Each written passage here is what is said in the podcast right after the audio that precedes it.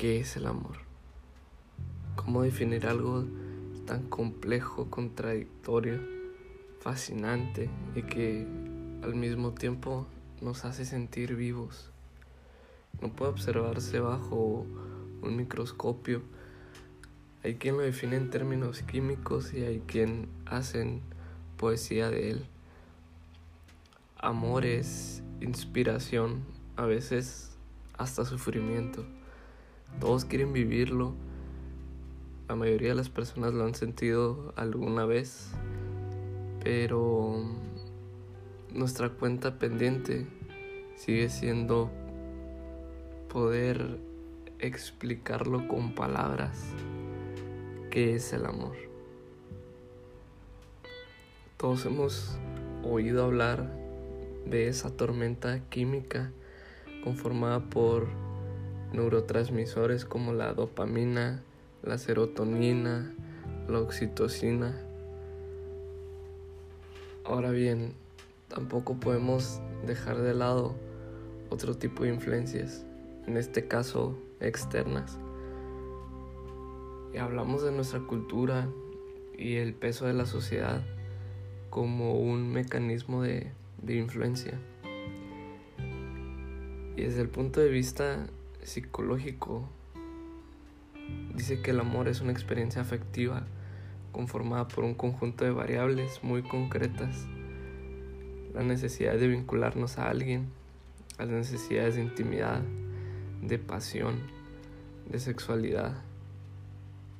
El amor supone una gran entrega, pero sin perder la identidad. El amor es compartir, aprender, descubrir. Se, suele decir a alguien que ha acabado una relación de pareja que hay muchos peces en el mar, pero creo que podemos agregarle algo más. Hay muchos mares con peces que te faltan por descubrir, por experimentar. El amor no entiende de idiomas, de colores, de ideologías, de edades o sexos. No seas tú el que lo aleje por prejuicios, por miedos. Existen distintos tipos de amores. El amor de familia, el amor que se le tiene a una mascota, a los amigos, el amor de pareja, entre otros. Muchos de estos tipos de amores suelen estar presentes a lo largo de la vida de toda persona. Hay quienes afirman que se necesita el amor y el afecto para poder vivir, ya que las personas son, son seres sociales y está comprobado que sin el afecto es muy difícil vivir y desarrollarse. Porque mm, un hijo cuando nace lo que necesita es amor. Y ese amor, ¿quién se lo da? Se lo da la madre. Porque si lo deja de alimentar, si lo deja de amar, pues prácticamente se va a morir. Por eso se dice que se necesita amor y afecto para poder vivir. Amar a alguien implica hacer cosas hacia esa persona, como ayudarlo a progresar, animarlo en los momentos tristes, ayudarlo o ayudarla a tomar decisiones, estar presente en los momentos buenos y malos de su vida. Y mm, estoy leyendo un libro que se llama El arte de amar, que es de Erich Fromm. Y dice que el amor debe celebrarse todos los días como un acto liberador y enriquecedor.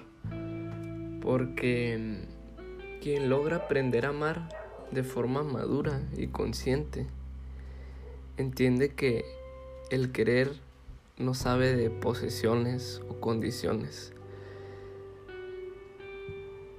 El amor es por encima de todo la preocupación activa por la vida.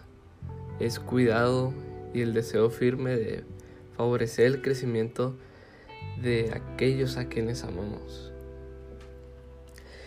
Si hay algo que deseamos durante gran parte de nuestra vida es ser amados.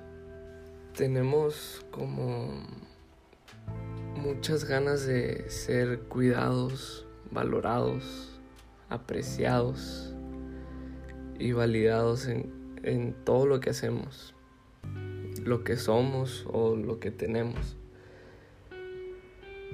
Amarnos el uno al otro, cuidarnos entre sí, respetarnos, valorarnos, crear juntos, proyectar en común. El querer de los buenos artistas implica tener la maestría de quien sabe participar, dar, recibir, construir y ser parte activa de un proyecto donde siempre está presente la mentalidad de siempre querer seguir creciendo. Pero aprender a amar implica también ser conscientes de otro aspecto. Que muchas veces nos preocupamos en exceso por no encontrar a esa persona ideal que buscamos o que le pedimos a Dios. Mm, nos estresamos por no hallar el objeto amoroso al que amar. Que amar sin detenernos, detenernos a pesar a pensar primero si estaremos a la altura del propio amor. A veces estamos tan contagiados de idealismos y, y constructos nutridos del romanticismo que se nos olvida lo más importante.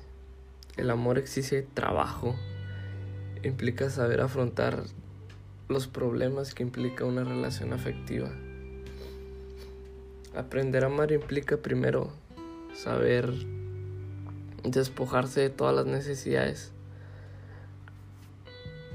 Porque a quien busca tener una relación para satisfacer sus necesidades o para aliviar sus carencias, le van a pasar dos cosas.